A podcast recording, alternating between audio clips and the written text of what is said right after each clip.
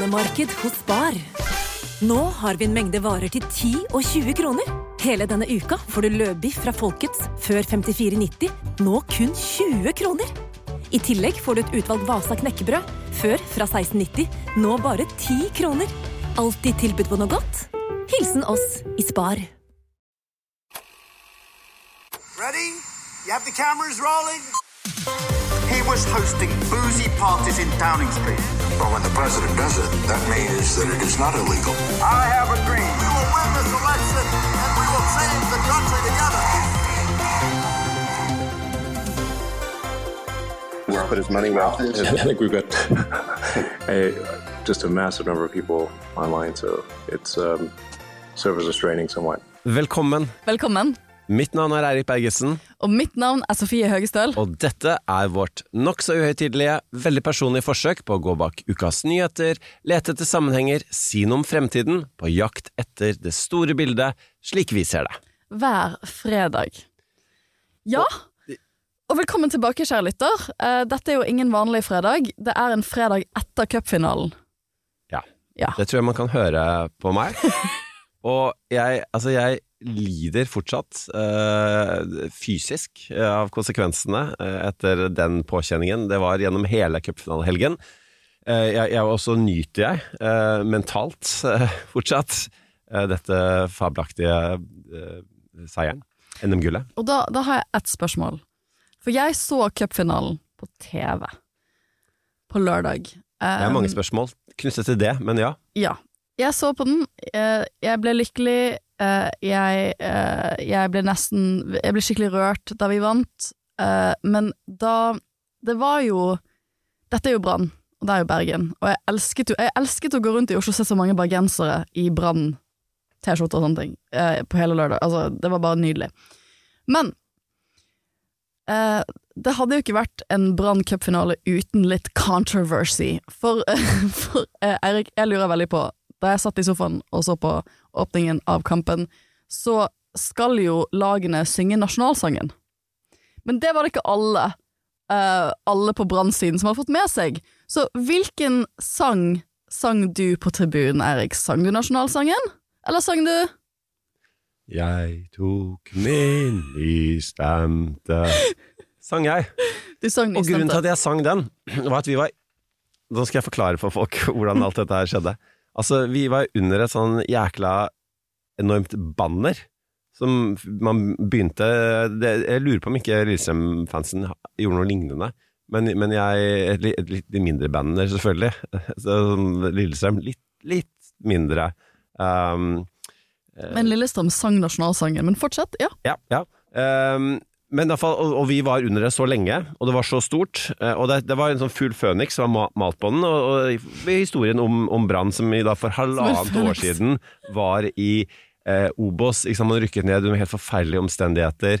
Eh, det var to pod-episoder fra den verdens beste, ikke bare fotballpod, men verdens beste pod.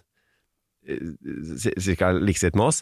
Um, When We Were Kings, om om de to sesongene hvor Brann rykka ned. Altså bare, og så har man da i løpet av veldig kort til, eh, tid eh, komme tilbake, ligge på andreplass i serien, eh, er i cupfinalen, eh, og nå da vinner den. Eh, så, så Fugl Føniks eh, høres jeg ut som jeg er borte på å forklare meg litt. Nei, ja, ja, ja. Eh, og så og så mens vi er, er under der, og vi hører jo ingenting, og alt er bare kok og så videre, så, så begynner folk å synge nystemten. Eh, og så etter hvert er bannere av, og man fortsetter å synge videre. Altså, vi har da ikke Ingen jeg snakket med, har fått med seg at det ble spilt nasjonalsangen. Og det høyttaleranlegget hadde ikke sjans mot eh, brannkoket. Så det var ikke med vilje, for liksom, når man så det på TV, så så det ut som jeg Brann-fansen med vilje begynte Det- å synge nystemmen istedenfor å synge nasjonalsangen. Jeg skal ikke frikjenne øh, alle øh, i brannfansen helt og fullstendig, for det kan jo være at det er noen som oppviglere som satte dette her i gang. Med, vi kjenner jo Brann, og, og hele ideen om, om dette med republikken.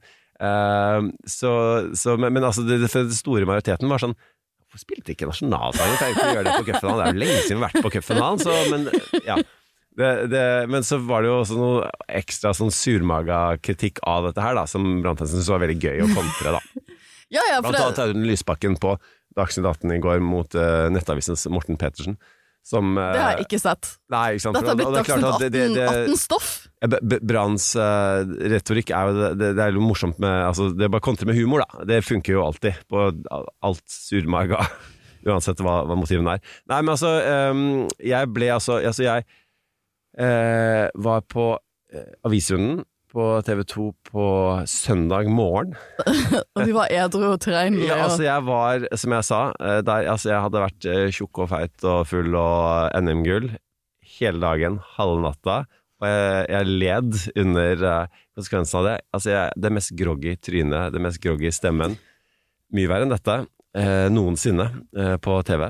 Og det, men og jeg, jeg, jeg, jeg, rakk, jeg rakk så vidt å bare hadde hjemmefra. Jeg rakk så vidt før sending bare grabbe til meg sånn Diaspora Bergensis T-skjorte. Altså det som var nærmest senga, da. Eh, en, den, en forferdelig rød blazer. Ekstremt ukledelig. Brukt to ganger eh, på en sånn USA-valgpromo og på eh, cupfinalen. Eh, og så rakk jeg ikke så mye annet. Sprang ned i stua og var med. Og tilbakeviste alt eh, Aslak Sira Myhre sa om at vi må flytte cupfinalen til november igjen. Eh, det har riktignok allerede skjedd, men altså for, så fantastisk å oppleve dette her eh, i mai, i de omgivelsene. Altså kjempe, kjempegøy, men som alt med fotball, alt som går opp skal ned en gang, så jeg, jeg nyter inntil videre.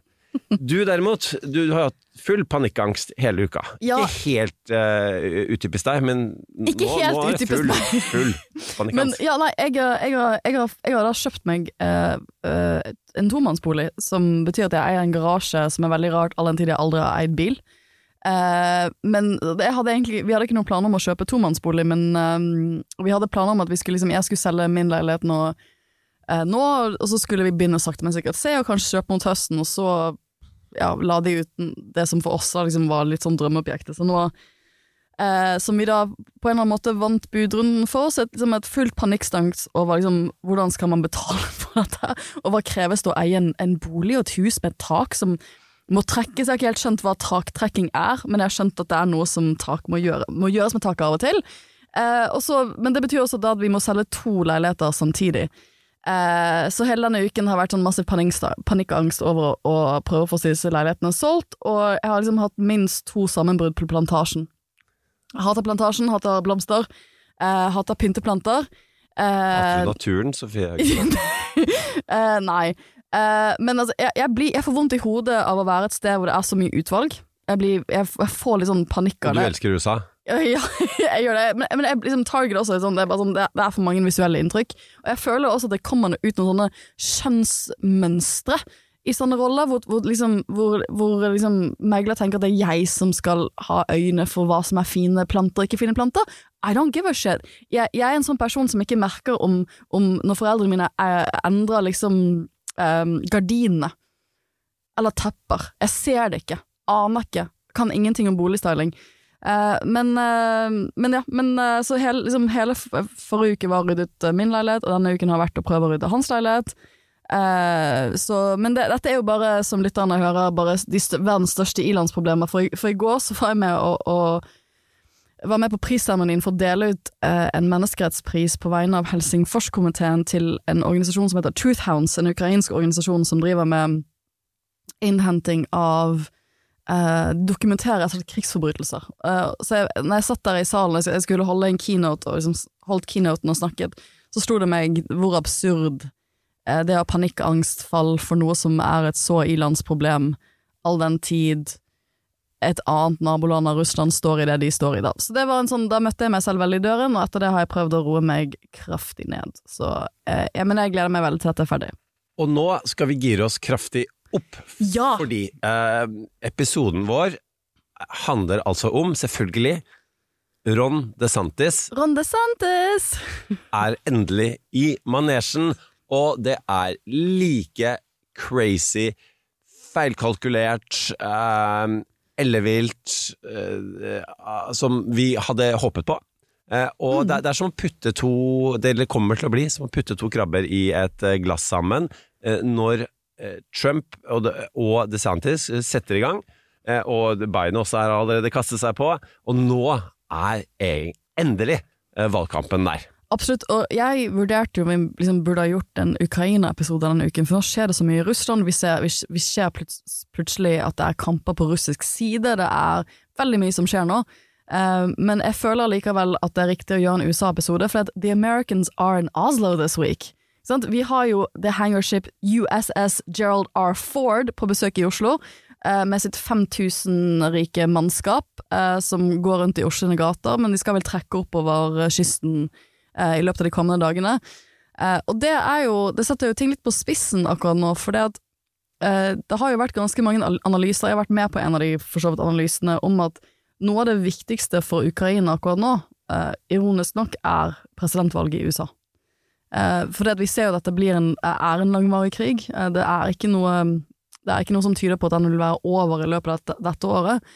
Og da det, har det ganske mye å si hvem som sitter i presidentstolen i USA til neste år, og leder, og er commander in chief over, over det, det krigsskipet som nå er, eh, er eh, seilet inn i, i Oslo sin havn. Men også, for, også fordi at vi ser jo at på republikansk side så er det mer og mer eh, skepsis til å gi bistand til Ukraina, eh, og den type støtte. Og dette vil jo bli en av de viktige sakene i eh, primærvalgkampen til eh, republikanerne, så derfor må vi snakke om det. Jeg skal bare, eh, smette inn uh, min andre podkast, Kommunikasjonspodden. Eh, og som er uh, med Kommunikasjonsforeningen, skal jeg i dag intervjue nå, rett etterpå egentlig, uh, Sisse Kruse Larsen, som er rådgiver og ansvarlig for kommunikasjon hos Jens Stoltenberg. Og den podden tror jeg kommer i begynnelsen av neste uke.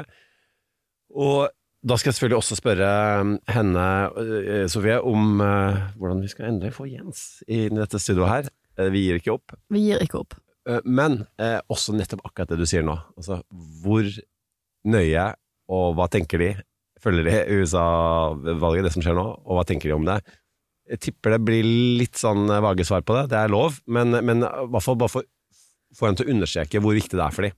Absolutt. Og, Fordi det er, det er jo rett og slett avgjørende, og mm. Ron DeSantis har jo sagt ting som at, at det er en territoriell en eh, regional, territoriell konflikt. ikke sant? Som, Eh, er, som, er, som jo også passer inn i eh, Trumps idé om at den, denne kan han avslutte på 24 timer. Ja. Og den måten å avslutte det på, er jo gi Ukraina til eh, Ja. Russland. Den eneste måten å avslutte på 24 timer. Ja. Og det, selv det vil for så vidt heller ikke fungere når det er sagt.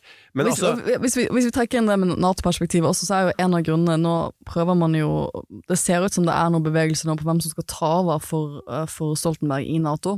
Eh, Og litt av grunnen til at det mange, noen visstnok tenker at det er viktig å gjøre det nå, av medlemslandene til Nato, er jo fordi at man har lyst til å ha en, en tiltrådt generalsekretær innen man får en ny amerikansk president. Sånn at fordi USAs ønsker i, i, i, i hvem som skal sitte i sjefsstolen i Nato, er viktig.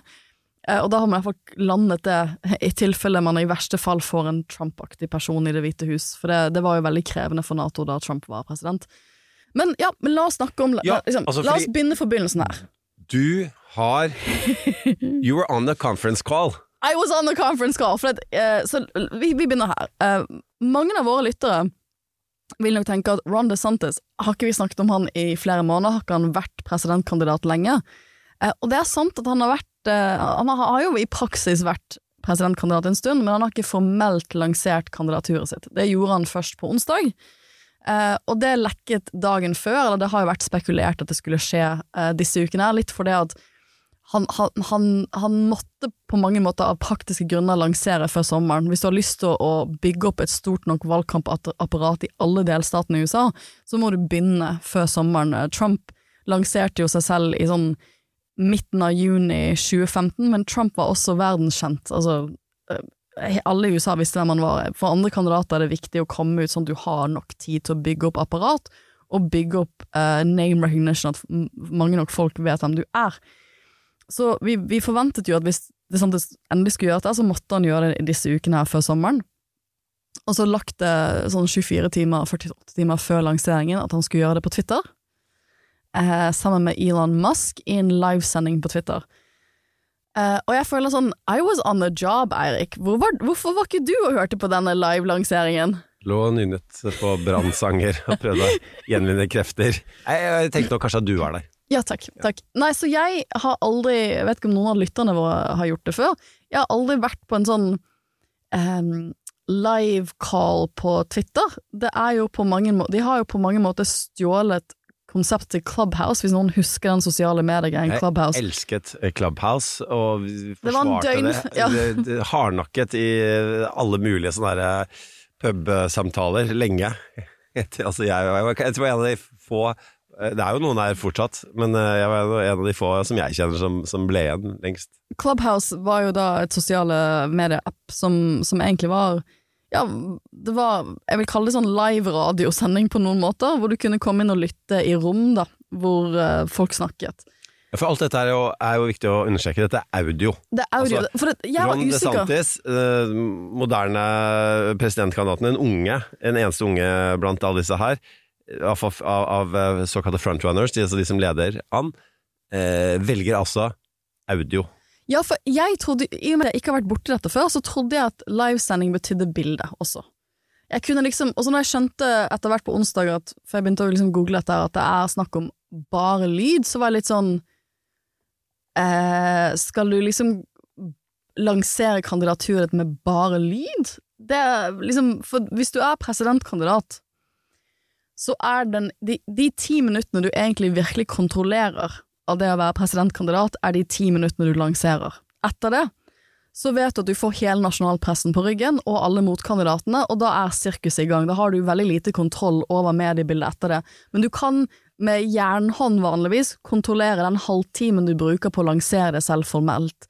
Derfor velger de fleste å gjøre det på ganske sånn staged eh, måte, altså de gjør det foran en liten barneskole, eller barneskolen de gikk på kanskje, eller foran hjemmet sitt, eller på en eller annen town hall, eller ofte en eller annen lokal setting som får det til å se litt sånn folksy ut, hvis det er en republikansk kandidat, eh, og, og så videre.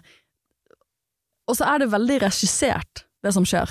Ja, og uh, Tim Scott, uh, vi skal ikke bruke veldig mye tid på det, men han lanserte, For han lanserte også denne også uken. tidligere i uka, sant? Uh, og, og han er, han er eh, senator, han er afroamerikansk, eh, men jeg tror ikke han kommer til å eh, vinne, for å si det sånn, Eh, men, men ikke sant, og veldig få kjente han, men så brukte da alle medier på begge sider av, av politikken, sånn er det i USA, eh, mye tid, de brukte den dagen på brukte den ham, dagen, han- og han fikk, fikk- fram budskapet sitt, Ja. ikke sant, og, eh, og, og det kunne jo da altså Fikk eh, snakket Ron om historien gjøre. sin. Han, han fikk liksom, hans pitch var veldig sånn på mange måter tradisjonell presidentpitch. Sånn, dette er min sterke personlige historie om hvordan jeg er den amerikanske drømmen, og det er det jeg skal vise. Det er det jeg kommer til å være som president. Jeg kommer til å gi deg den amerikanske drømmen. Jeg er den amerikanske drømmen.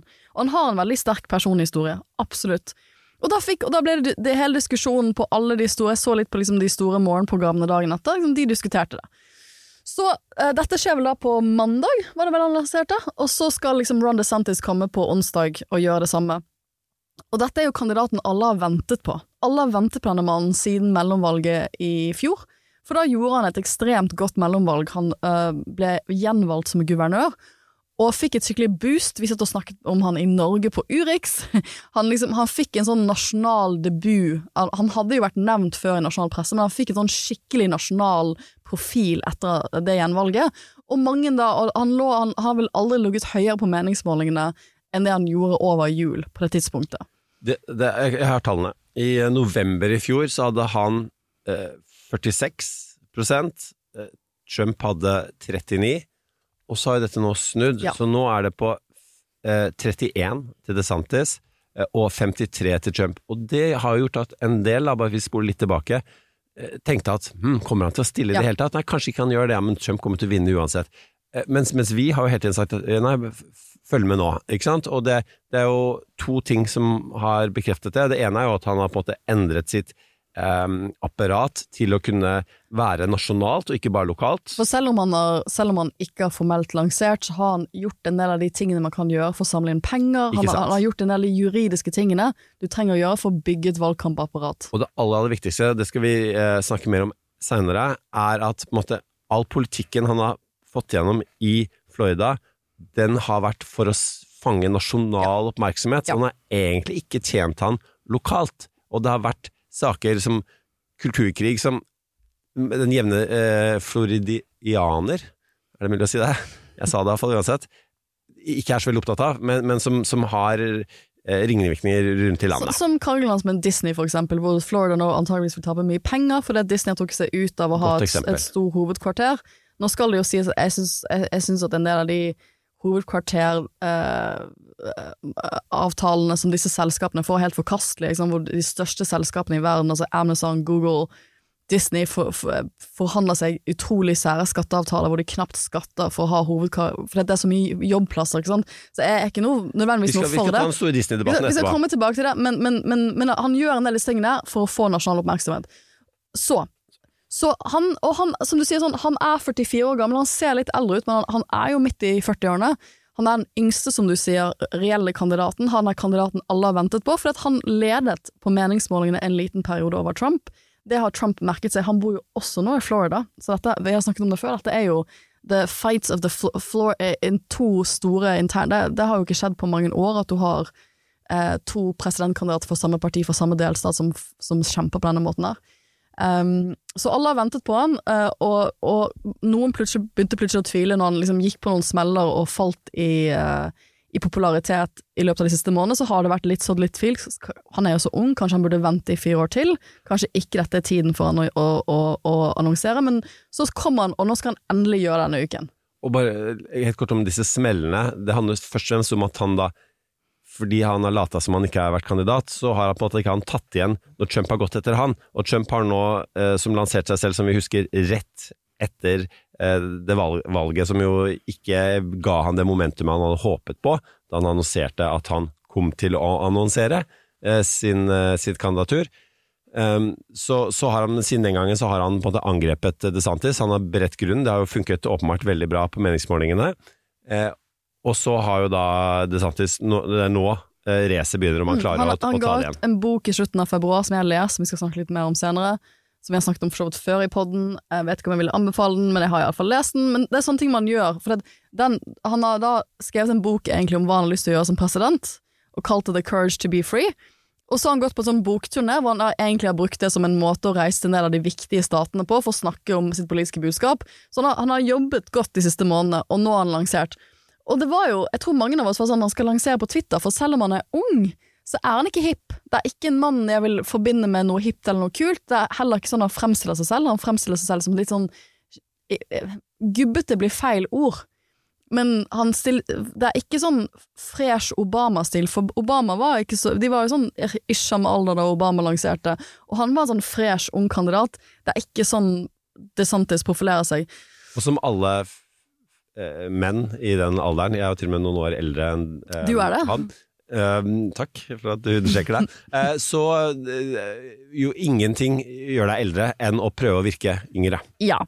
Så, eh, så han velger da jeg tenker sånn, Dette er jo litt sånn spesielt, men han kanskje For hele po poenget var at han skulle gjøre dette på Twitter sammen med Elon Musk. Jeg sånn, er dette fordi at han vil nå ut til alle de fanboysene som elsker Elon Musk? Og de, de fins jo.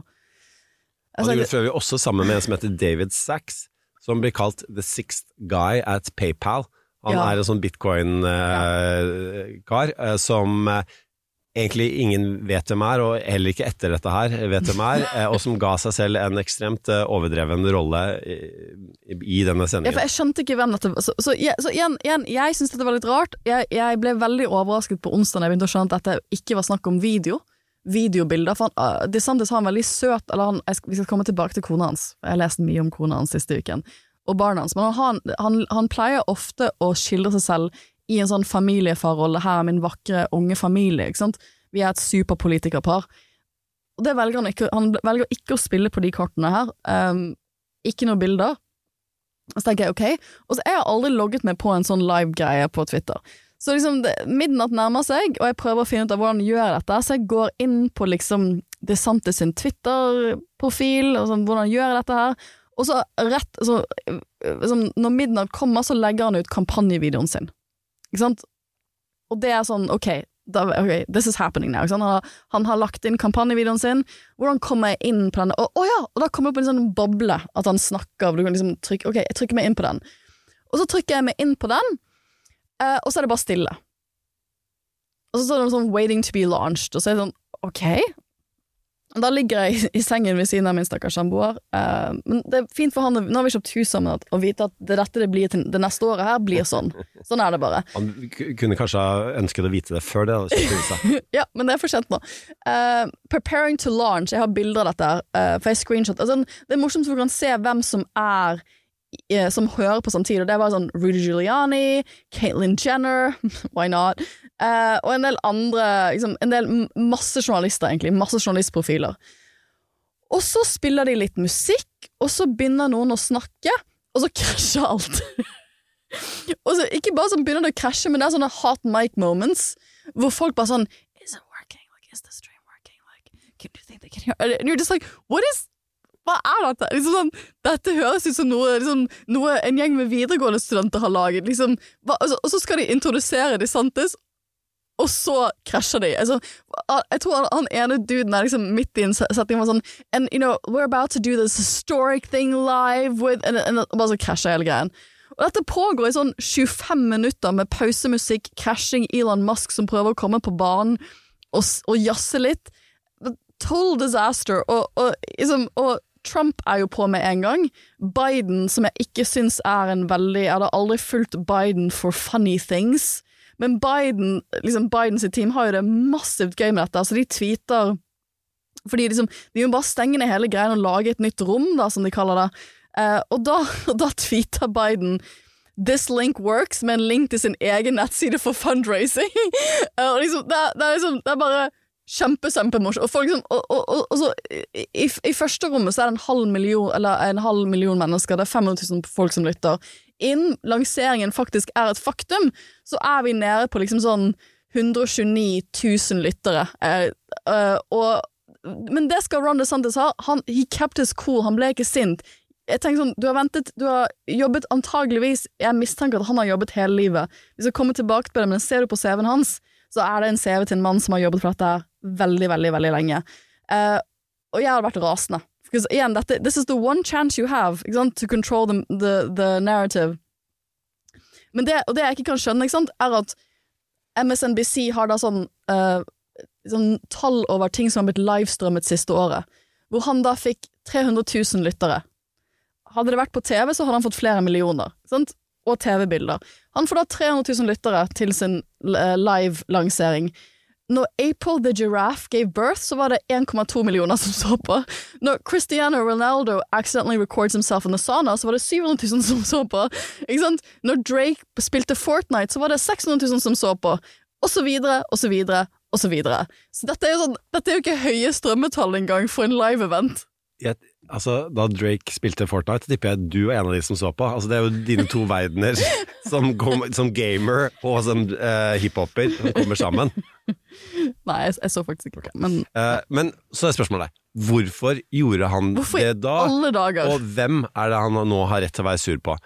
Greia er, ikke sant, Det som da skulle være det mest høyteknologiske noensinne, ble jo da det minst høyteknologiske noensinne. Man, altså I gamle dager så ga presidentene en sånn ukentlig sånn radio address to the nation, eh, og, og, og Reagan var, var spesielt flink på dette. Obama var den som slutta med det, som tenkte sånn Nei, hvorfor, hvorfor skal jeg all verden skal jeg liksom ha på, på radio? Nei, vi filmer det, og så legger vi det ut. Eh, og siden så har jo alt vært eh, levende bilder. Og så gjør han altså dette her, og det det er jo hans, Han har en kommunikasjonssjef som heter Jeff uh, Rowe, som tidligere jobbet Han fikk Junkin uh, uh, valgt som guvernør i eh, Virginia. Han jobbet også for Cruise-kampanjen.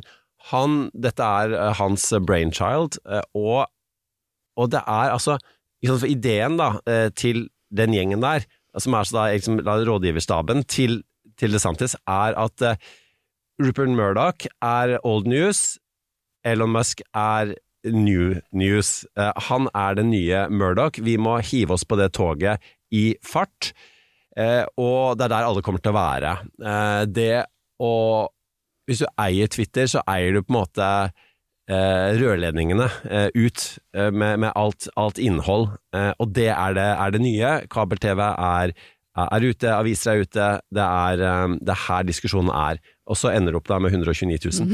Eh, eh, og så ideen er for så vidt god, men, men hvorfor, er, hvorfor er det dette her krasjer, ikke bare teknisk, men også eh, idémessig, det handler Hvis du er Vi alle kjenner folk som er litt for mye på Twitter. I USA kaller de det for red pilling. Du er så mye på Twitter at du tror at verden er på Twitter, og du Ja. tror at det som skjer på Twitter, er verden. Eh, og det, da jeg, jeg begynte med TV, så husker jeg var det eh, så, så husker jeg var, Noen var veldig sure på oss på, på Twitter for noe greier på TV. Og så, så sa jeg det til produsenten. Så, Oi, vi må, skal vi endre oss? Hva skal vi svare på dette? Sånn, Nei, dette er Twitter. Dette er ikke verden. Drit i det. Eh, og det er uh, og, og så har jo Twitter for blitt større, og man, helt, man kan ikke drite i det men lenger. Uh, men man må passe på å ikke tenke at det er hele verden, for da blir man red-pilled, og da tror man at det som er i de dypere lag i Twitter, er noe folk faktisk er opptatt av. Og hvis man tror det, så tror man at sånn kryptoentusiaster sine bekymringer eh, for er det verden viktigste. er, er det viktigste, og det er det vi skal måtte forfølge i, i, i en eh, for eksempel en, en presidentkampanje. Eh, og, og der og, og, og sånn ja, Det er så lett å kontre, for da sier jo bare eh, Trump at nei, men jeg, jeg kommer fra den virkelige verden. Eh, Med ekte Ja. folk. Eh, Og, og det, den fortellingen hans funker veldig godt opp mot eh, opp mot DeSantis. For DeSantis ikke sant? Og det er også en finansiell side av dette her. For både David Sachs og Elon Musk har veldig veldig mye penger som de putter inn i kampanjen til DeSantis. Så det kommunikasjonssjef Jeff Rowe tenker er at ja, men vi må ha tilgang til de pengene. Ok, vi gir de eh, en, en, en, en, frontlinjefigur. Ja, for bakteppet her er jo at Twitter har slitt under Musk, for å si det forsiktig. Det har vært en bumpy ride. Har, Twitter er ikke det samme som det var i fjor. Jeg merker at jeg bruker det mindre selv, eh, av en del av de endringene Musk har, eh, har, eh, har lagt inn. Eh, men nå skulle liksom, dette skulle være et comeback, comeback for, for Twitter også. Uh, og, og jeg tenkte sånn, når jeg leste, så tenkte jeg sånn, ah, dette, this better work. Det har jo vært tekniske problemer på Twitter, for han har jo sparket masse folk. Så det er mye folk som jobber på Twitter. Sånn, de... Det er ikke nok folk til å få dette til å funke teknisk. Nei, det, det, det, tenker, sånn, det tenker, tenker jeg bare sånn Har du det, You had one job. Twitter har om hadde er- én jobb, Ja, tenk og er det til å funke. Tenk om du er en person som da på en måte fortsatt er på jobben, men er forbanna, som bare trekker ut en kabel. Så får du dette her. Jeg liker at det er sånn vi tenker at tek tekniske ting fungerer. Du bare trekker ut kabelen, og så bare, og så bare kveler du det. Det er sikkert sånn Dette er, den, dette er som scenen fra Hjelp i flyr, Ja. hvor, han, hvor han- trekker ut stikkontakten, og det blir helt mørkt på hele, og så setter han flyplassen hos Dette er en Indian, sorry. En eh, nerdereferanse til de som tok den. Ja, men, men, altså, men poenget er at det er liksom uforståelig fra begge sider, for at Uh, dette var viktig for Elon Musk å liksom vise at han er en Jeg ser jo mye på Succession. Og det, det, er, det, er er, det er finale nå på søndag, og jeg er ikke klar for den. Men hvis du har sett på Succession de siste episodene, så føler du litt at Jeg følte jo litt at dette var en episode av Succession. Jeg fikk en sånn Og et eller annet sted så springer Greg rundt, og det er Greg who like fucked up the launch. Liksom Han har ikke gjort jobben sin, og liksom Tom bare skriker til han Greg. Greg written all over Ja, it. ja, men det har, jeg bare sånn Where's Greg? uh, så hvis du, for det, det er jo en sånn karakter i siste, siste sesongen av Succession som er en sånn tech, Elon Musk-aktig type, da. Eh, kan på, Hans pitch er jo sånn 'jeg er ny tech, jeg er ny media', det er, det er her det skjer. Og det, det, er, det var jo egentlig Elon Musk sin pitch også, at hvis du skal bli presidentkandidat nå, kanskje bli president, så skal du lansere hos meg. Og det greier han ikke. Men igjen, jeg, jeg syns det er sant jeg skal ha for at han holdt koken. Han Um, han greide liksom han, han, han gjorde jo pitchen sin uh, Jeg hørte ikke på hele greien, for jeg sovnet. Men, det, men det er jo problemet at mange fikk med seg at dette var veldig morsomt, og så, og så gadd de ikke å høre så mye på, på budskapet. Men altså eh, um, Pod Save America hadde jo også veldig gøy med dette her. Eh, de har eh, Deres episode heter Boulevard of Broken Streams. Eh, den anbefaler jeg allerede nå at folk hører på. Men de, de koser seg også veldig med at uh, Tucker Carlson nå prøver å gjenoppfinne seg selv. Hvor da? Jo, på Twitter. Ja, han skal lansere et Ja, Twitter-show. og er det noen som er, veldig vettskremt over alt dette her, så er det jo bør det, jo, bør det være Tucker Carlson. Nei, men deres analyse er at uh, uh, ja eh, Per i dag så er jo Twitter for så vidt eh, stor nok, det samler mye oppmerksomhet, men fordi at Musk både er feildrevete, eh, skråstrek, høyrevridde, eh, så det som han selvfølgelig gikk inn og, og hevdet at han skulle gjøre mer og mer, mer nøytralt, Um, så, så er Twitter også døende, men det dør ikke raskt nok til ikke å få veldig mye betydning i dette valget. Og, og det er vanskelig å se for seg at eh, Trump hadde blitt president i det hele tatt uten Twitter Nei, i forrige runde. For det, det, jeg Eller altså følte jo runden også, før der, da han ble også president. litt-. For Trumps hovedsak mot DeSantis er at han bare kopierer meg. Og jeg følte jo litt at dette var sånn DeSantis sin måte å være sånn Ja, Trump er flink på sosiale medier, men se på meg! Nå lanserer jeg på Twitter! Og så er det litt sånn Ja, men det er ikke det det handler om, ikke sant. Det, ehm, vi kan kritisere det, vi kan mislike det, men det som funker for Trump på Twitter på en måte som selvfølgelig jeg syns fortsatt er helt veldig rart, er jo det at han han, du skjønner at det er han som skriver. Han skriver med sine egne skrivefeil og sine egne, rare, liksom, sine egne spissede budskap. Det kommer rett fra level, og han, level, og han skyter det ut selv. Det er ikke det DeSantis gjør. Han kommuniserer ikke. Det, han kommer ikke til å kunne Han må jo spille seg selv god. Og det å prøve å konkurrere på den banehalvdelen der, det kommer ikke til å funke. Ja, for det, det er to måter å være politiker på, og dette gjelder også i Norge. Én, eh, du kan være deg selv, du kan si det du tenker, eh, og eh, Eller eh, du kan late som du er en annen enn det du er, og du sier eh, Du sier ikke det du tenker, du sier noe annet. Eh, Du sier noe som du tror folk har lyst til å høre, eller som rådgiveren din ber deg om å si. Um, og den siste kategorien er der jeg skal si 98% av alle politikere er. Er det lov å si? Du nikker? Ja, jeg føler kanskje ikke i Norge. Nei, men nå, nei, det er et godt poeng. Men i Norge, da, hvor mange er det? Det er fortsatt et klart flertall. Jeg vet ikke, Som- jeg, jeg føler at vi jeg føler at Jeg tror vi tenker på mange av toppolitikerne, men, men mange på Stortinget Ja. for eksempel har man kanskje ikke hørt om. Jeg har ikke inntrykk av at de, Godt poeng. Det, de er noe annet enn det de er jeg selv tror er. vi i media, nå peker jeg på meg selv, eh, er, blir litt opphengt i, i toppolitikerne. topp, topp, topp Som, og grunnen til at, at de oppfører seg sånn som jeg beskriver nå, er jo for at de, ønsker å skaffe seg selv handlingsrom. Ja, og de skal jo målbære et helt parti. Det er Ikke sant. Så, så hvis jeg hadde vært nestleder i Venstre, så hadde jeg vært noe annet. For det, da, det hadde jeg følt på at da skal ikke jeg målbære meg selv, jeg skal målbære meningen til hele partiet, og da spiller du en annen rolle. Ja, og så skal du på en måte forberede deg på kommende konflikter, så hvis du på en måte låser deg til ett standpunkt, så, så kan du få problemer senere, og ikke minst når kompromisser skal inngås i re, mulige regjeringskoalisjoner osv. Så, videre. så det er, det er en grunn, grunn til at det er sånn, men så blir det som type sånn et språk da, som du også, også kan ta med deg inn i alle debatter og diskusjoner. Ja, og som blir veldig kunstig. Ja, og, men, men, men for å si det sånn, den enkle forskjellen uh, her er jo veldig eksemplifisert ved disse to. Trump sier og mener akkurat det han ønsker, samme søren hvilken Uansett. kritikk.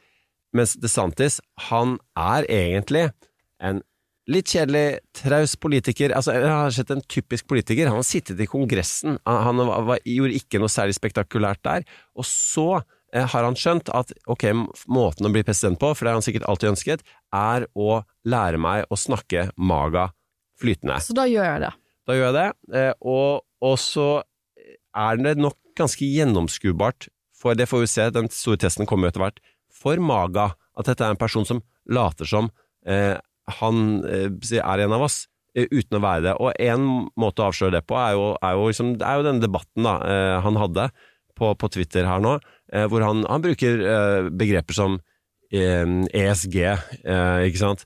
Han bruker forkortelser på uttrykk, byråkratiske uttrykk som vanlige folk ikke vet hva er. Ja, og, og, og ESG som jo da er altså, Som handler om altså, likhet, bærekraft og ja, hva blir det? Governance. eh, altså, som, som er sånn derre uh, finansmiljø Det handler om hvordan man altså miljømerker uh, og eh, aksjer. Som, som jo er noe som Elon Musk er opptatt av, David Sachs er opptatt av. De er opptatt av at ikke politikken skal, skal influere det å tjene mest mulig penger. Men, men det, det, og det, og det er ikke vanlige folk. Det er ikke magafolkene opptatt Nei, av, og det er der han avslører seg. Og nå skal jeg bruke et ord om DeSantis som ikke hadde gitt noe mening i USA, men som, som vi ville kalt han i Norge, bare at han, han er noe annet, selvfølgelig, for dette er en amerikansk contest. Jeg mener veldig seriøst at Ron DeSantis er en broiler. Hvorfor mener jeg det? Jo, fordi at eh, vi har jo ikke det norske valgsystemet i USA, selvfølgelig. Hadde det vært i Norge, så hadde han sikkert vært ungdomspolitisk aktiv og kommet inn i politikken i veldig ung alder. I USA så må du gjøre det litt forskjellig. Hvis du har lyst til å bli toppolitiker når du er på videregående i USA, så vet du at du må først skape en karriere før du kan bli valgt til et høyere politisk verv. Så det DeSantis gjør, er at um, hvis jeg skulle beskrive en sånn uh, Han er jo ikke så mye eldre enn meg, han er åtte år eldre enn meg. Hvis du skulle bedt meg beskrive hva en person burde gjort for å kunne stille som president i, i 2004, da, når han tar av sine store livsvalg, så vil jeg beskrive bakgrunnen hans. Først så går han på Yale, eh, og dette snakker han eh, så å si aldri om, men he graduates Yale magna cum laude. Hva betyr det? Det betyr at han ligger i topp 10% av alle de på kulest på Yale. Det er veldig vanskelig. Er veldig, da er du flink på sko, da er du ordentlig skoleflink. Eh, og fordi han får magna cum laude på Yale, så begynner han på Harvard Law School. Og ved Harvard Law School så går han ut cum laude. Og eh, det er sikkert mange som tror at amerikanske karakterer ofte er litt sånn dummet ned og lette og sånne ting. Hvis du går på jussen, dette har Harvard avskaffet, de har ikke karakterer lenger. Eh, litt fordi at det var så beinhardt når de hadde det, for hvis du går på jussen, så bruker de normalfordeling. Det betyr at eh, det er bare 10% som skal få A. Det er bare eh, 10% som skal få A minus. Altså, det er veldig Gauskurven. Det er Gauskurven. Det er veldig, veldig tøff karaktergivning. Så hvis du er magna eh, Hvis du har graduate cum laude, det gjorde for så vidt også jeg tror, Obama, for eksempel, da, du, da er du i topp 20 målbart topp 20 med alle de som gikk på Harvard. Og, og liksom, det var ganske vanskelig å komme inn på Harvard Law School eh, da han gikk der i sånn 2004. Eh, og han går ut av Harvard, og så begynner han i marinen. For vi må huske at i 2004-2005 så er vi midt i Irak-krigen, vi er midt i Afghanistan-krigen. Igjen, hvis du er en ung person med politiske ambisjoner, og skal ta riktige politiske valg Og igjen, jeg kjenner han ikke, så det kan godt være at jeg tar helt feil her. Hvis du skal ta riktig liksom, Hvis du har graduate cum laude fra Harvard, så kunne du gått ut og tjent 1,5 millioner kroner som startlønn. De, de fleste advokatfirmaer hadde kastet seg etter deg. Du hadde begynt i sånn Suits-aktig. Du, du hadde fått jobb ved Suits advokatfirma i New York. Du kunne velge og vrake i stillinger hvis du har så gode karakterer for Harvard Law. I hele verden, ikke bare i USA. Men han velger å ta en jobb i marinen, eh, og begynner i JAG, The Judge Advocate Generals Corp i marinen. Hvis dere har sett på TV-serien Jag, som pleide å gå på dagligdags med en veldig sånn kjekk uh, hovedskuespiller, som da er Det du er, er egentlig at du er en militær uh, statsadvokat. Kjempevanskelig jobb å få, kjempeelitistisk jobb å få. Han er Jag. Det er sånn, da er du sånn Du topp-person. hørte på hvem som ser på de seriene. Det er sånn som deg, sant? Jeg tror det var mange, også sånn eh, eh, kvinner eh, litt sånn kvinner 30-40-50-årene som så på det etter jobb, for han, han, han eh, hovedpersonen var veldig kjekk. Så jeg hadde liksom, når jeg gikk på TV, så hadde jeg liksom venninner i klassen min som var sånn 'Å, mødrene våre er dritforelsket i han'. Ser på det hver eneste ettermiddag. Men han, han begynner i JAG, og han er en uh, prosecutor i Florida. Og så tjenestegjør han også i Han jobber med Guantánamo Bay-sakene, som også er sånn veldig høyprofilert, vanskelig å jobbe med. Og så begynner han uh, Og så er han i Irak, og får medaljer og sånne ting. Og så går han egentlig rett fra å være i marinen til å bli innvalgt i, um, i Representantenes hus han er i begynnelsen av 30-årene. Og igjen, det hadde ikke hørtes ung ut. I Norge har vi en justisminister som ikke er 30 engang, så det høres ikke ung ut i norsk kontekst, men i amerikansk kontekst må vi huske at når Alexander Ocasio-Cortez ble valgt inn rett før hun fylte 30 i, i Kongressen, så var det rekordungt for en kvinne. Ingen andre kvinner har vært valgt så ung.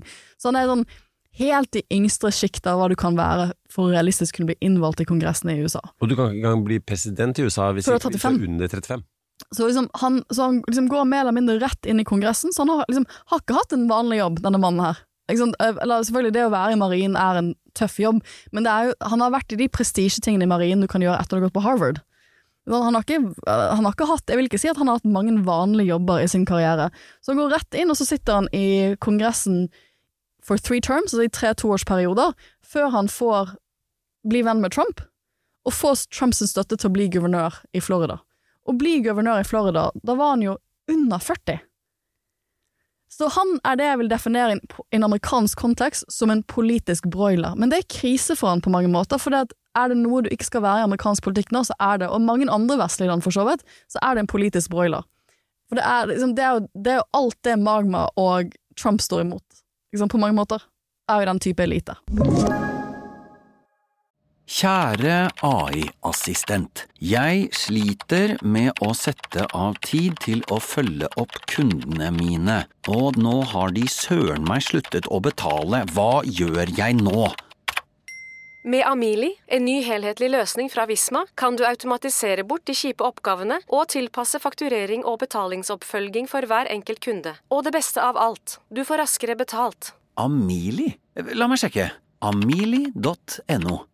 Og, og det som er, er jo interessant for øvrig, da, er at det å være broiler er på en måte like ille og kanskje verre enn å være eh, aldrende. Eh, sånn som eh, både Trump eh, og eh, Biden selvfølgelig eh, er. Men også det, det aspektet med liksom at man skal på en måte være Ikke bare skal man være folkets mann, man skal være på en måte altså, folk flest, vanlige folk, og, og, og på en måte kunne kommunisere folkelig og såkalt autentisk osv.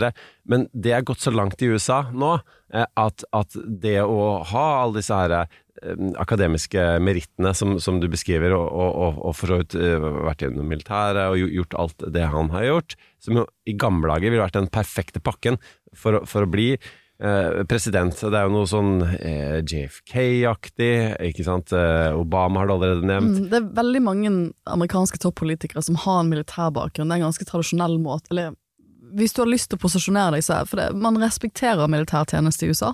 Det er, det er en ganske stor del av landet som har familie som er i militæret, eller har tjenestegjort i militæret. Og, og det, det er jurist, selvfølgelig. eh, Ivy League, altså toppuniversitet også.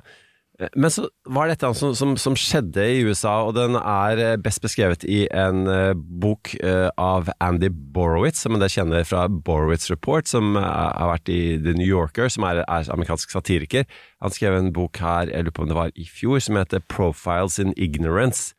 How America's Politicians Got Dumb and Dumber. Og Det som er morsomt med det, er at han, han snakker om på en slags sånn antiintellektualisme eh, i USA. som I disse gamle dager så prøvde man å få Hans tese er at i gamle dager så prøvde man å få dumme politikere til å virke smarte, mens nå prøver man å få smarte politikere til å virke dumme. Altså Man putta briller på um, Ronald Reagan og tok bilde av ham mens han satt tilsynelatende og leste bøker. Um, mens, mens Reagan var, var en sånn ekte folkelig, om ikke dum, så iallfall sånn um, uh, Ja, hva skal vi si? Han, han var ikke akademisk avansert. Så, og så eh, var det noe som skjedde med ja, eh, Dan Quayle, Bush jr., Sarah Palin, Trump Og selvfølgelig Tea Party. Og Tea Party Movement, som vi nå kanskje glemmer litt, som vokser jo frem i det DeSantis egentlig begynner i Kongressen, um, eller, eller det han skal velges til Kongressen, det er jo på mange måter det som brer grunnen for Trump etter hvert. Det er de samme folkene som er det som heter nå Freedom Caucus i det republikanske partiet, som er trumpister. Eh, og, det, og, det, og det, vi skjønte ikke helt hvem de var da de kom på scenen. De kom jo på scenen litt som en reaksjon til Obama, litt som en reaksjon på en del forskjellige ting. Og litt reaksjon på, på altså, øh, offentlige utgifter, at, Ja. at de var blitt for høye. Men så er det en sånn anti-intellektualisme der også, Ja, som, som også Sarah Palin snakker om. Altså det, The Real America og så Ja. ikke sant? Altså som da De hevdet at, at de var på det mer amerikanske, og du får også begynnelsen på kulturkrigen. Absolutt. Og det er jo et problem, eller et nytt kapittel i, i kulturkrigen. Og det er jo et problem da for DeSantis som egentlig har gått etter the old playbook og tenkt at jeg må gå på Yale, Harvard og tjenestegjøre i militæret. Sånn, For han har ikke bare gått på Harvard, dette snakker han aldri om, han har ikke bare gått på Harvard, han har gått ut med noen av de beste karakterene på kullet sitt på Harvard. Eh? Det, det viser jo hvor han liksom, Det snakker han Det ville han jo Det ville han, vil han ha hatt folk som hadde snekskrytet om for 20 år siden. Det er ikke folk det er ikke, Jeg har sett på masse folk som promoterer han, det er ikke det de snakker om nå. Så han gikk, han gikk etter den gamle playbooken av hvordan du burde profilere deg, eller hvilken type ting du burde gjøre tidlig i livet ditt for å bli presidentkandidat. Og så kommer han egentlig inn i et republikansk parti som er i endring, og så fester han etter hvert sin, sitt anker til Trump. Og mange vil jo si at da endrer Det er jo masse artikler skrevet om dette, det kan det kan lytte, det var bare å google. At han da begynner å endre utseende, klesstil, talestil og politikk til å bli en skikkelig trumpist. For han møter Trump, Trump liker han, og Trump hjelper han til å bli guvernør i Florida. Og det er ikke bare han som gjør dette. Det eh, Mange. Ted- Cruz, Mange. Marco Rubio, som også kommer fra eh, Florida, som, som, som ble en Tea Party-kandidat eh, i utgangspunktet når han kom inn i Kongressen. Eh, og det, dette er nå eh, playbooken, dette er nå manualen for republikanske politikere.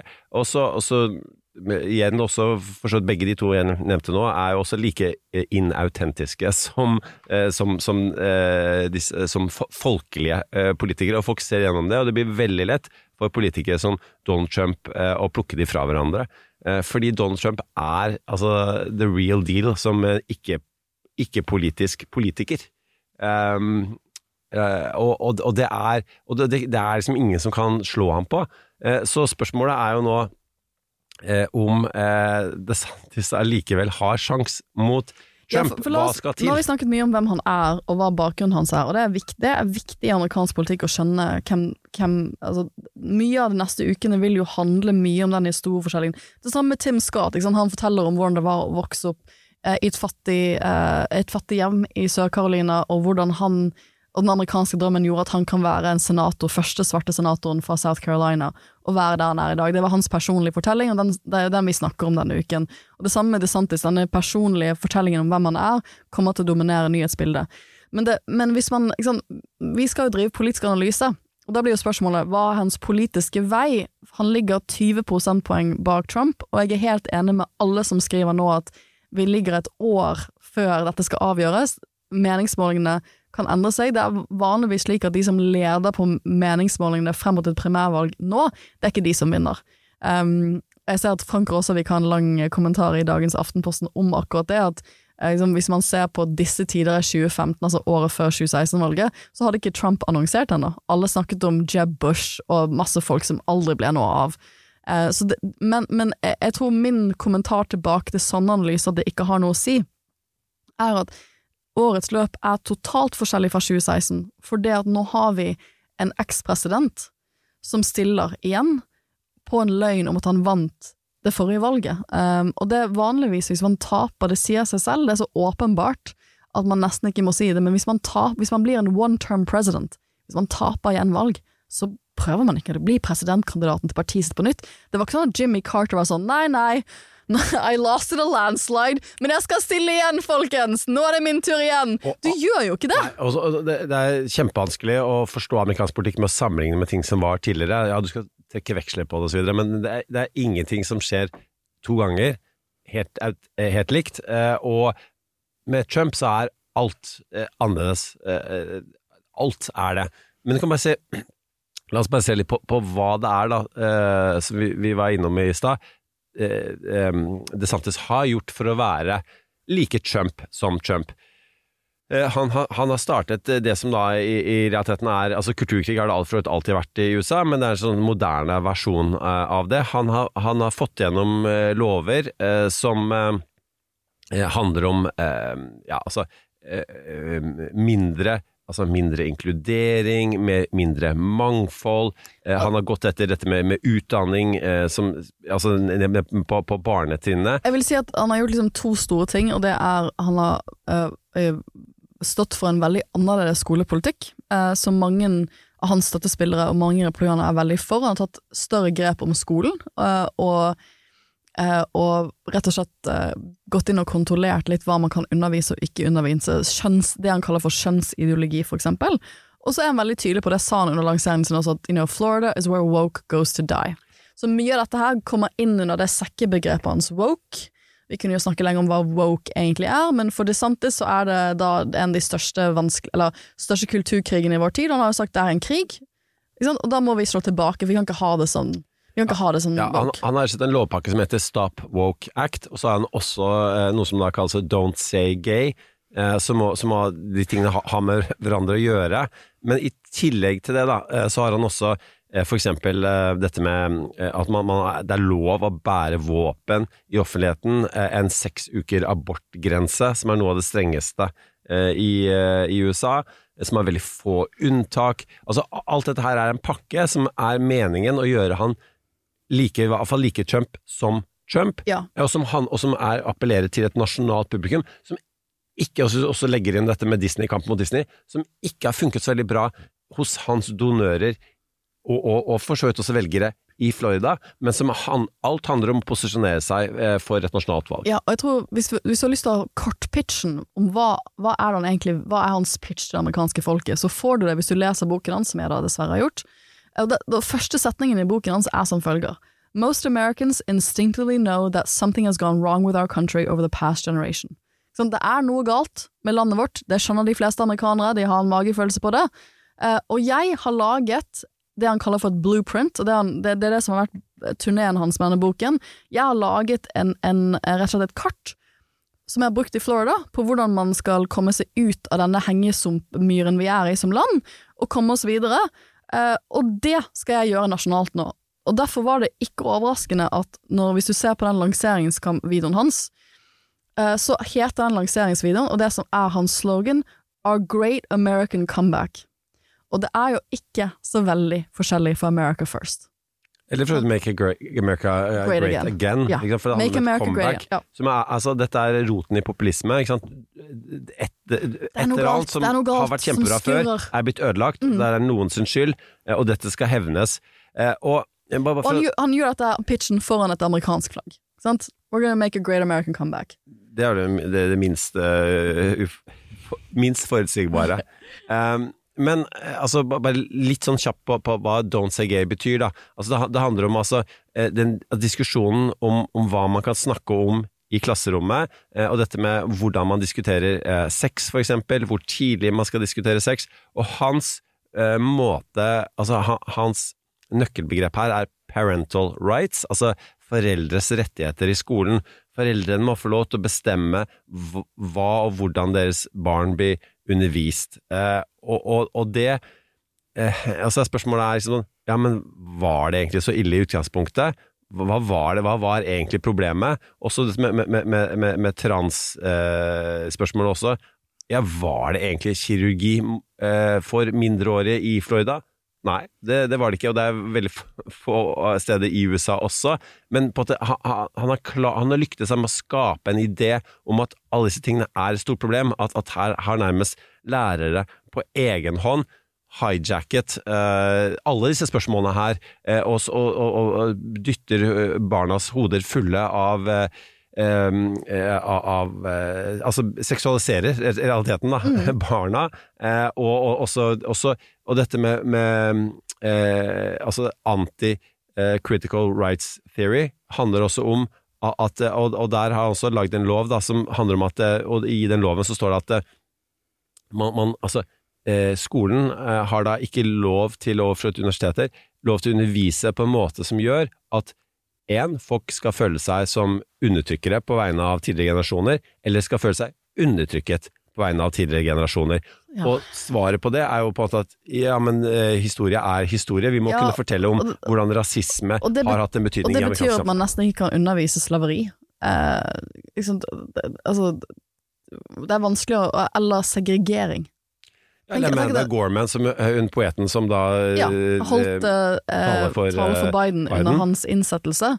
Det skal ikke undervises. Ja, det, altså det, det er en bo, eh, den boka hennes, eh, Mhm. som da er eh, en lærer da tok vekk da, eh, fra biblioteket. Og, det, og dette her, han sa det under um, lanseringen sin uh, på Twitter, at the woke mind virus is basically a form of cultural marxism. Så han mener det er kulturell marxisme i denne woke-kulturen, og at for eh, og han sa også sånn And because it's a war on truth, I think we have no choice but to wa- wage a war on woke. Så han har rammet inn det han mener er sannheten.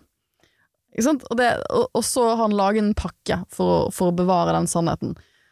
Uh, og det er klart at dette her sant, Du og jeg er nok instinktivt litt skeptisk til dette her, men jeg, jeg kjenner nordmenn som, som var mer opptatt av DeSantis enn det jeg var i fjor. For eksempel, jeg var ikke så opptatt av han. Som elsker mye av det, det han gjør på Woke. Det treffer de skikkelig. Er så enig med mye av, den, mye av det han gjør på dette feltet her. Mener at strukturell rasisme, eh, kjønnsideologi som de kaller det, en del av disse tingene har gått altfor langt. Og, og, så de har vært DeSantis-fans lenge før han vant et brakvalg eh, i 2022, eh, når han fikk gjenvalg. Så det, det er klart, dette her er et budskap som treffer ganske mange. Ja, altså, bare for å ta også litt, litt mer om på at det, det motsvaret han får, ikke sant. Og det, dette som handler om, som du sier, er sånn strukturell rasisme i den forstand at det, eh, altså det er at eh, USA har slitt da, gjennom eh, generasjoner og etter hvert århundre med å ta et skikkelig oppgjør med sin original sin, som, som var slaveriet. Eh, og at dette har fått eh, manifestere seg i, i politiet, i, i, eh, i økonomiske forskjeller. Um, eh, og man føler at, at tidligere uh, ja, også demokratiske politikere uh, Man hadde jo veldig mange det som vi i dag vil kalle for rasistiske uh, politikere i Kongressen, som da tilhørte eh, demokratene, kanskje aller verst hos demokratene. Eh, Altså Lincoln selv var jo da som, som kjent eh, eh, eh, republikaner. Eh, Så Um, og, og man har brukt eh, altså, sånn slags hundefløyter, da. Kriminalitet uh, som en måte å på en måte undertrykke svarte på. Man, man har uh, altså kampen mot narkotika, uh, kampen mot the welfare state, kampen mot inner city, og nå også kampen mot critical rights theory. Som man mener at egentlig handler om at majoriteten skal undertrykke minoritetene. Eh, Så, så det er jo veldig kraftige motsvar også til eh, DeSantis, og det gjør jo da at dette, de spørsmålene blir enda mer polariserte. Og dette er, er jo eh, spør, altså Både for abort og våpen var jo ting som ikke var politisert og polarisert i amerikanske befolkningen før uh, Før det ble store politiske ja, på grunn av politiske konsulenter så uh, seg tjent med at man skulle uh, polarisere det. Men hvis vi da tar oss fram til nå, nå selve presidentvalgkampen, eh, så har jo da eh, DeSantis og hans folk en idé om at ok, eh, folk liker trumpisme, Mm. eh, ergo må vi være eh, må jeg være trumpistisk i primærvalget for å vinne den. Eh, og så er hans budskap da 'jeg er Trump uten bagasjen'. Ja. Problemet er at folk Ja, de liker altså trumpisme, altså republikanere, men de liker også Trump. Og han er ikke Trump. Ja, for at Trump eh, kan, man, kan, eh, man kan si hva man vil, men når man ser Trump danse litt på scenen under uh, disse store velgermøtene sine, så er det litt morsomt. Og jeg tror det er mange som vil si at um, når Trump sier en del tingene som høres helt sinnssyke ut, så er det med et lite glimt i øyet. Og man kan si at det er litt morsomt. Den, liksom, den måten han erter folk på, eller sant? skyter litt fra hofta. Han, han har nok en større sånn watchable quality enn det DeSantis har. For en av de tingene Trump da, for Trump er flink til dette, ikke sant? Trump kommer til å gå massivt og personlig og hardt mot DeSantis nå som han har lansert. Han har gjort det i flere måneder, men nå kommer det til å bli, tas opp noen hakk. Um, Det var ikke mange sekundene etter den der miseren misæren på Twitter at eh, Trump lanserte Nei, altså, videoer. de var ute med videoer med en gang. Dette har de hatt lenge? Dette har de hatt på lager lenge, og de videoene sitt hovedbudskap er at yeah, I'm the original, han er en blek kopi av meg. Uh, han har ingen personlighet, han har ingen karisma. Uh, han har e e egentlig ikke egne politiske meninger. Uh, han bare prøver å kopiere meg, og heldig for dere så trenger dere ikke å ta en kopi, dere kan ta meg. Uh, og det blir hovedsporet. Jeg syns det er interessant at hvis man leser The Washington Post i dag, så er det en um, kommentar skrevet av Mark uh, Thiessen, som har skrevet For Republicans, DeSantis offers the best of two worlds. Og jeg syns den er interessant, for den, fremlegger liksom det jeg antar er hans støttespilleres hovedbudskap. Og det er at han kan uh, blidgjøre Trump-velgere, få de til å høre seg sett og følt og, og føle seg inkludert. Eh, samtidig som han kan ta moderate velgere, for det har han gjort i Florida under eh, guvernørvalget sitt. Og Florida blir en nøkkelstat, det er en viktig stat i amerikanske er valg. den største staten. Tredje største staten, så han, han kan spille på lilla velgere også. Men som du sier, så vil nok hans kampanjefolk si at det han må gjøre nå, kortsiktig, er å være mer trumpistisk. Sånn han når, det, det er jo ikke uvanlig at man må gå liksom hardere til venstre eller høyre under primærvalget, og så brer man seg ut mot midten for å prøve å få folk på andre siden av gjerdet inn, inn i hovedvalgkampen. Eh, så det er liksom det- er hans hovedbudskap. Han kan få Han er Trump without baggage, han har Trump pol policies, og så er det liksom sånn Det er det ene. Det andre er at han allikevel kan få moderate, for de liker his common sense approach. Og det tredje, som er en direkte hit mot Trump, er at han er en bedre politiker. For han, gikk, han gikk, valgte å ikke gå direkte mot Trump, han nevnte ikke Trump under lanseringen sin, men en del av de tingene han sa, er jo eh, er jo, eh, er jo å, å rakke ned på eh, det Trump gjorde som president. Han, han antydet eksempel at det er rart at ikke replikanerne fikk mer gjort når de hadde både flertallet i Kongressen, altså i Underhuset og i Senatet og presidentskapet, at de ikke fikk gjort mer på den toårsperioden. De hadde det, og, og, og det var en del annen implisitt kritikk av Trump for at han ikke, gjort, ikke gjorde mer som president. Og det, det er veldig klart hvis du leser boken hans at hovedbudskapet er at jeg er en veldig effektiv eh, guvernør. Og guvernør er jo å være president i din delstat. Så jeg, kan, jeg er supereffektiv og handlekraftig politiker. Det kan jeg være nasjonalt også. Og implisitt, det var ikke Trump. Trump er ikke en flink politiker. Han, er, han gjennomfører ikke, men det kan jeg gjøre.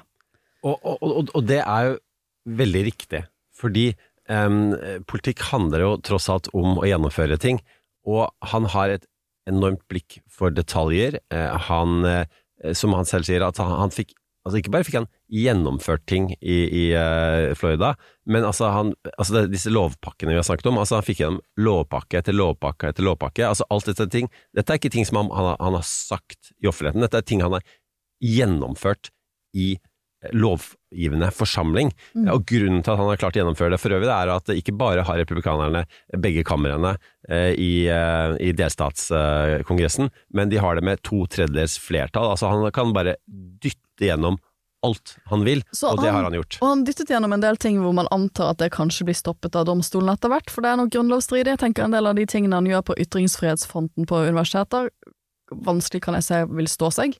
Men det, det er ikke poenget hans. Poenget hans er å vite at jeg kan få dette gjennom. Og jeg, få, og jeg, og jeg, jeg, snakker ikke om det, jeg leverer faktisk harde, hard politisk, eh, politiske seire for å få det gjennomført.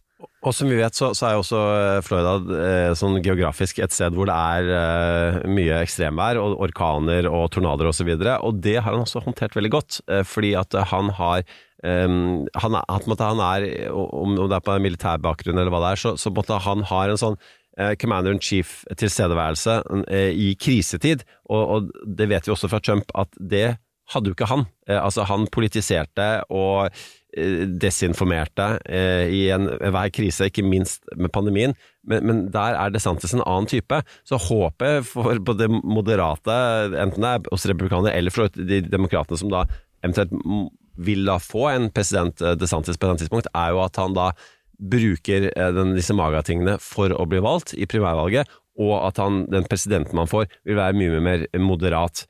Jeg tror, jeg tror det kommer til å skje. Hvis, hvis, hvis det blir DeSantis, men for mange, så, så, og, og, og for Bidens folk, eh, så, så vil jo det være én, noe man eh, ikke helt kan stole på, og to, noe man kommer til å bruke for alt det har vært uansett. så. Så ser du at noen av hans mer moderate donorer siste måned har vært litt sånn wow, wow, wow, hva er det du gjør på abort, hva er disse greiene med Disney? Du kan ikke du kan ikke gå inn og regulere skolene så dypt. Hvis vi gjør det, så kommer når demokratene tar over, så kommer de til å gå inn og Nå har vi åpnet for at de kan gjøre akkurat det samme, regulere pensum på det detaljnivået du prøver det på nå. Så han har jo mistet noen han har, i, alle fall, I alle fall så har noen av hans mer moderate donorer, altså pengegivere, blitt, fått litt kalde føtter, for det, det har vært litt for, nok litt for ekstremt for, for, det, for deres smaker de siste ukene. Ja, for da- De sier jo bare sånn at er det, er det dette det er å være republikaner og konservativ? Ja, Er ikke dette det motsatte? Er, Er det ikke dette er- er- demokratene ja, og de liberale Er det ikke liberale som skal prøve å gå inn og mene at skoleverk skal gjøre sånn og sånn og sånn, så er ikke det vi som skal være for en frie meningsytringer, ytringsfrihet osv.? Er er dette virkelig den politikken vi vil ha? Og det som er interessant, det som jeg syns var interessant at Politico skrev nå, at for amerikansk politikk handler jo veldig mye om penger, og for DeSantis så handler jo disse ukene her om å få en masse penger i kassen. Så det som skjer akkurat nå, er at han har en større sånn donor-tredagerssamling med masse rike folk da, som skal gi ham penger, hvor han også har vært.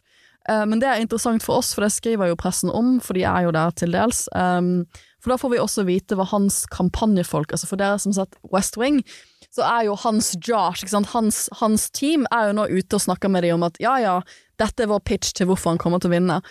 Og litt av det de skriver om i Politico i dag, er at sant, de er enige med at Trump antageligvis, uansett hva som skjer, vil få 35% av stemmene i primærvalget, fordi at han har en såpass stor maktbase. Men de mener at det fortsatt er åp, altså de siste 65 fortsatt er up for grabs. Og hvis noen skal ta dem, så er de DeSantis. Han, han har Ja, han ligger bak nå, men det er for tidlig. Og så hvis du går inn og finser på tallene, så mener de at hvis du liksom virkelig finser på tallene, så selv om det er flere som støtter Trump nå, så sier mange av de at de i alle fall er åpne på å se på andre kandidater, og det betyr at man kan fortsatt få de stemmene, og at det er, det er absolutt mulig for eh, DeSantis å tette igjen det gapet til Trump og komme seirende ut av et primærvalg. Eh, Så vil jo tiden vise om det faktisk er mulig, for veien er lang. Vi, vi dekket jo eh, samme tidspunktet før, altså i 2019, altså før 2020-valget, og da var det jo masse folk som burst onto the scene, og så bare falt sammen. Altså Kamala Harris, for eksempel, lanserte seg selv, fikk masse god presse. Det var liksom Cinderella moment, folk, folk var så over seg i begeistring. Og så, ikke, og så gikk det bare nedover derfra, fikk øh, nok penger og måtte trekke seg før primærvalget en gang begynte. Var ikke med, sto ikke på noen stemmesedler, ble ikke stemt over i det hele tatt. Mens Mayor Pete, som ingen hadde hørt om, greide faktisk å bygge seg opp på et nivå hvor han hadde en reell sjanse til å vinne mot Biden på et eller annet tidspunkt. Og vi skal ikke glemme helt eh, en kandidat som var den første til å, til å melde seg etter Trump, nemlig Nikki Haley. eh, Som jo er, er en moderat eh, republikaner, som også selvfølgelig gjør, gjør noen sånn absurde ting for å late som hun er eh, litt trumpistisk, hun også. Eh, men, men som altså, hvis, hvis DeSantis tøyer det for langt, så kan man potensielt skape større rom eh, for henne. Eh, men altså det er sånn, bare, mm. bare når vi snakker om Haley, det er litt morsomt at akkurat nå er statusen at du har Florida, som både har DeSantis og Trump, og så har du South Carolina, som da både har uh, Haley og Scott. De er begge fra delstaten South Carolina som politisk. Så det er litt sånn interessant at du har to delstater nå som egentlig dominerer hele primærvalget med sine kandidater. Grunnen til at vi ikke har snakket mer om Scott, for jeg syns Tim Scott er en interessant kandidat. Han er en person som ofte Når jeg, liksom, jeg har snakket med journalister i Washington Post eller forskjellige faktiske amerikanere som følger politikk tett, så jo han, har jo han blitt trukket frem som en mulig kandidat av de i fjor. Fordi at han er senator, han har en veldig sterk personlig historie, han er likende. Det er mye bra med Tim Scott, men han, he, akkurat nå så ligger han på 1% Han har ikke greid å bryte inn på 2% oppmåling. Og det var noen som spurte meg denne uken sånn, men hvorfor gidder han å stille hvis han bare ligger på 2% og det er liksom sånn, og Trump ligger på 53 og DeSantis på 20 Han, han er jo så langt utenifra. Det er jo det A, fordi at det var det Obama gjorde. Du, du folk, det, er, det er en lang tradisjon i amerikansk politikk for at det er dark horses som kommer inn, eh, og bare kupp, og så kupper de hele greia. Liksom. Det var jo nesten det um, Mayor Pete gjorde. Folk har gjort det før. Det er litt den amerikanske drømmen at det kan du faktisk På mange måter Trump gjorde det. Det, sånn, det, er, det kan du gjøre, sånn, sånn kan skje i amerikansk politikk. Men så er det også ikke til å stikke under en stol at en del av de som stiller nå, en del av de småfiskene som stiller nå, de stiller nok eh, kanskje mest for å enten bli minister eller bli visepresident. Og Tim Scott Trump kunne gjøre det mye verre for en visepresidentkandidat enn Tim Scott. Og, og for å være litt kynisk, eh, det er good visuals at en uh, ung, smart, svart politiker stiller ikke, for republikanerne. han er jo ikke ung. Han er jo Ung i amerikansk forstand. Han er 57. Ja. Men jeg er helt enig i det. 57 er jo pur ungt nå. 50-årene er de nye 30-årene, Sofie. Ja. Men, Men, eh, ja, men han, han er jo altså, vi, vi kan snakke om han mer hvis han jeg, jeg så på et morningshow denne uken, så at han, jeg skal snakke mer om Tim Scott når han bryter 2 %-marginen. Og det skal jeg også gjøre på podden. Jeg har ikke noe imot Tim Scott. Jeg bare Gleder deg til den store Tim Scott-episoden med Sofie. Eh, men altså, vi, vi, må, vi må komme for landing her. Men min sånn, favoritt sånn fun fact da, eh, om eh, DeSantis, det er eh, at han, han Når han hadde debattrening og det er en fun fact i seg sjøl, hvem som ledet den debattreningen, nemlig Matt Gates. En eh, ekstremt ja, ja, oi. kontroversiell eh, republikaner i Kongressen Hvorfor filmet de ikke dette? fra Florida. Ja, hvorfor filmet de ikke Som har blitt tatt Eller som er under FBI-etterforskning for masse rare ting, og det Ja, mye der. Og, og, og, altså, han er virkelig mer Trumpsk enn Trump. Ja. Eh, altså, han, han er way out there. Han ledet an, og det eh, eh, han sørget for, var at eh, DeSantis, da, den, de som avbrøt denne debattreningen, og så, og så fikk de DeSantis til å skrive øverst på notatene sine 'likable'. Det var, det var liksom det, det han måtte prøve å være, eh, som han jo da slet med å være, og fortsatt sliter med å være. Han er ikke likeable. Eh, man, man har snakket om republikanere har, har stått frem av anonymt eh, Altså kolleger av han i Florida. De sier at han har ingen venner. Altså, han er ikke Han, er ikke, han, han passerer ikke the comfort zone-testen. Du vil ikke ta en ølmann? Eller stå ved siden av han ved, grillen. Nei, Ikke sant? Og, der er noe, det er noe Al Gorsk over over det. han. Ja. Mm. Al Gore ble da ikke president for de, for, for de av dere som lurte. Men en, en vanvittig smarting. Han vant jo både Nobelprisen og Oscar eh, for, for beste dokumentar. Altså, det var ikke måte på hva, hva han har utrettet senere. Men altså, helt til slutt også, bare med at dette med sant, Ja, han kan vinne primærvalget, eh, ikke minst ved at at Trump får så mange Det skal ikke gå inn i det nå, for det er altfor svært, men altså får så mange juridiske problemer. eh, Altså, alle enda skandalene til. Trump spiser han på en eller annen måte. Det har ikke skjedd ennå, Ja. Men han kan bli spiss. Altså, det, det er jo en mulig situasjon der hvor det skjer. Og da får du realisert Trump uten bagasjen, for at, for at altså, Trump kommer til å være liksom, han, han, han er i rettssalen han, eh, i, i valgkampen. Men eh, problemet til DeSantis da eh, skjer i eh, altså, hovedpresidentvalget, for at der funker ikke de trumpske tingene like bra som de gjorde en gang, bevist ved at Trump tapte valget sist. Der må han vise seg som mer moderat. Han må appellere til andre typer mennesker. Eh, et, et, de som ikke er, er, er, Twitter, eh, er kryptoentusiaster på Twitter. Eh, og, og, og, spørsmålet er om, om han får til den um, transformasjonen der, som jo som er en del av amerikansk politikk. Altså, du, du, vender kappen med, med vinden eh, altså nesten 180 eh, grader, um, og, men på en så overbevisende måte som, som mulig. Eh, klarer han det eller ikke? Det blir jo det store spørsmålet hvis, når man kommer eh, dit. Og min neste fun fact er faktisk litt av min ukens av- og påkobling, så da går vi bare rett på det.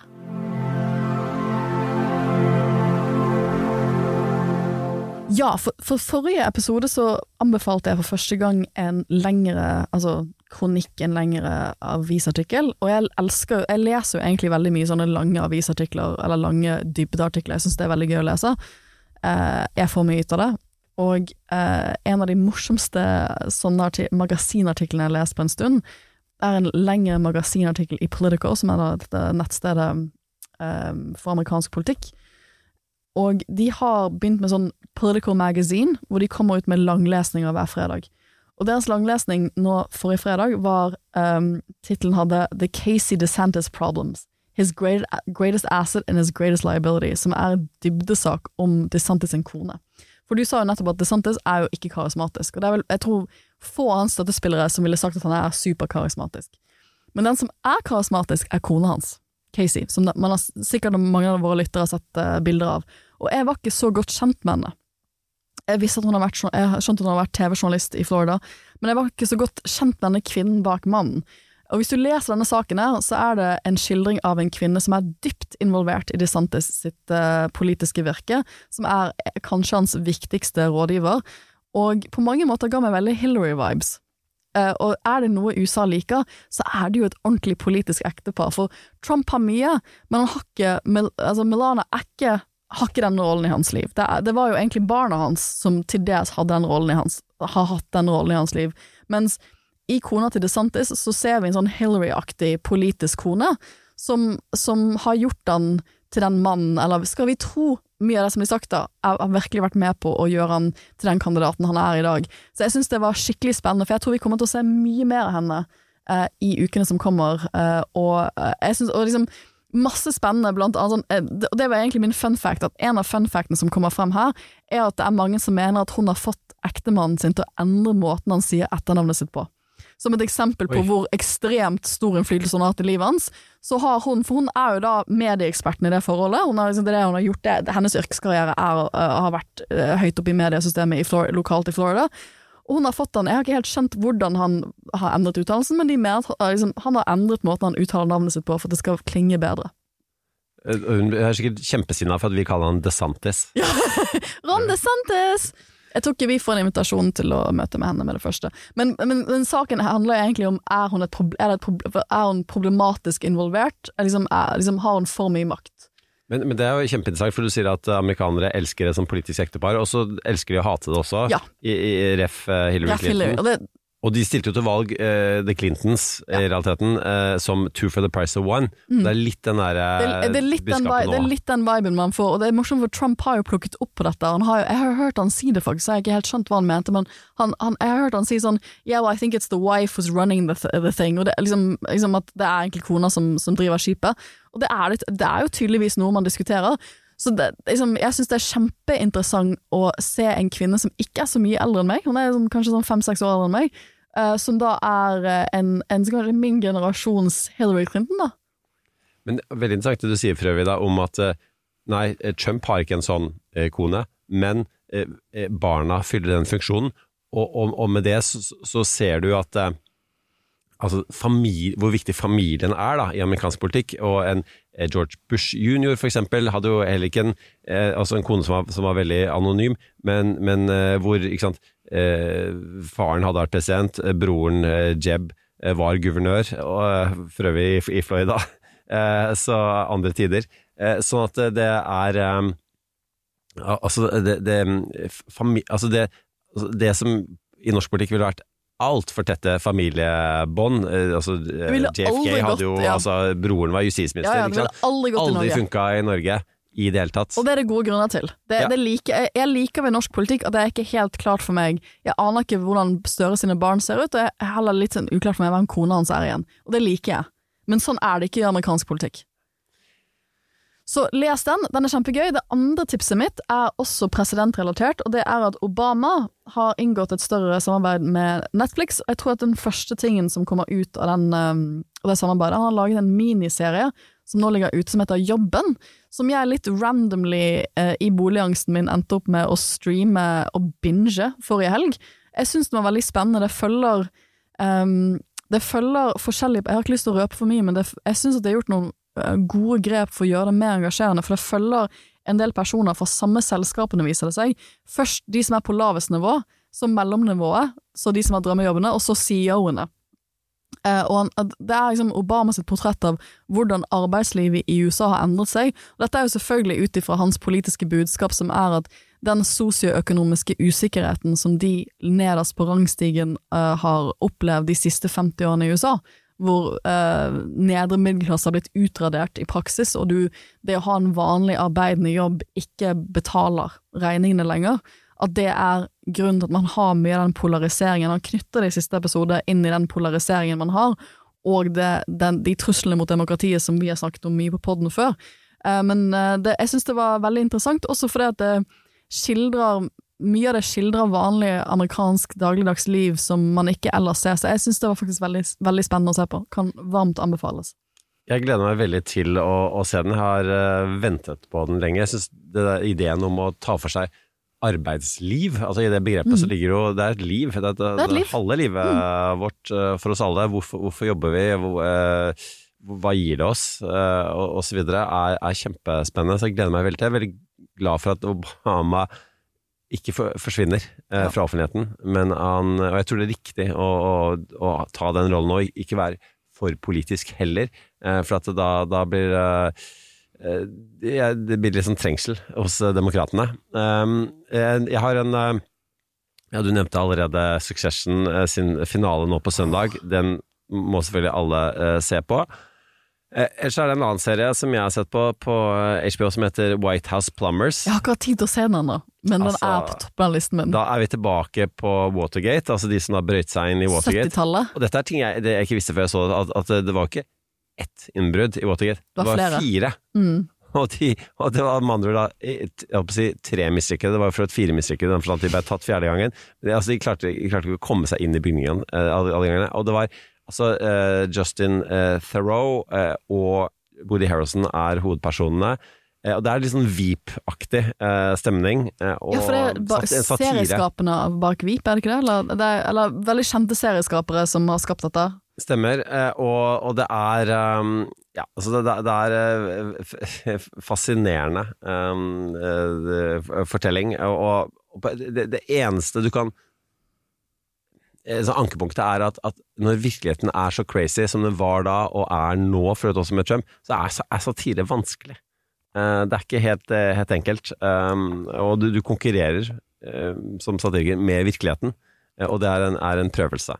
Det, Eh, men det er også en interessant historie, for jeg føler Watergate og hele den politiske krisen som eksisterte rundt det, er jo noe som frempeker på en del lange linjer rundt den tiden vi lever i nå, selv om den tiden er veldig forskjellig. Så, så peker det jo litt mot eh, den eh, undersiden og polariseringen i amerikansk politikk som også liksom, absolutt var til stede under Watergate. Så jeg syns det er veldig spennende at det, det, Watergate har blitt dramatisert på forskjellige måter, men at det er en annen innfallsvinkel eh, til den, den skandalen. Og det mest koko men når du sier det å ser på, er liksom at Watergate var tross alt mye mindre alvorlig enn veldig mye av det mye som annet. Trump eh, Mm. eh, potensielt blir siktet for, eh, som handler om eh, valg, eh, løgner eh, og kongressstorming osv. Mm. Det var vår store eh, DeSantis, USA, Twitter, eh, amerikanerne her i Oslo-episode.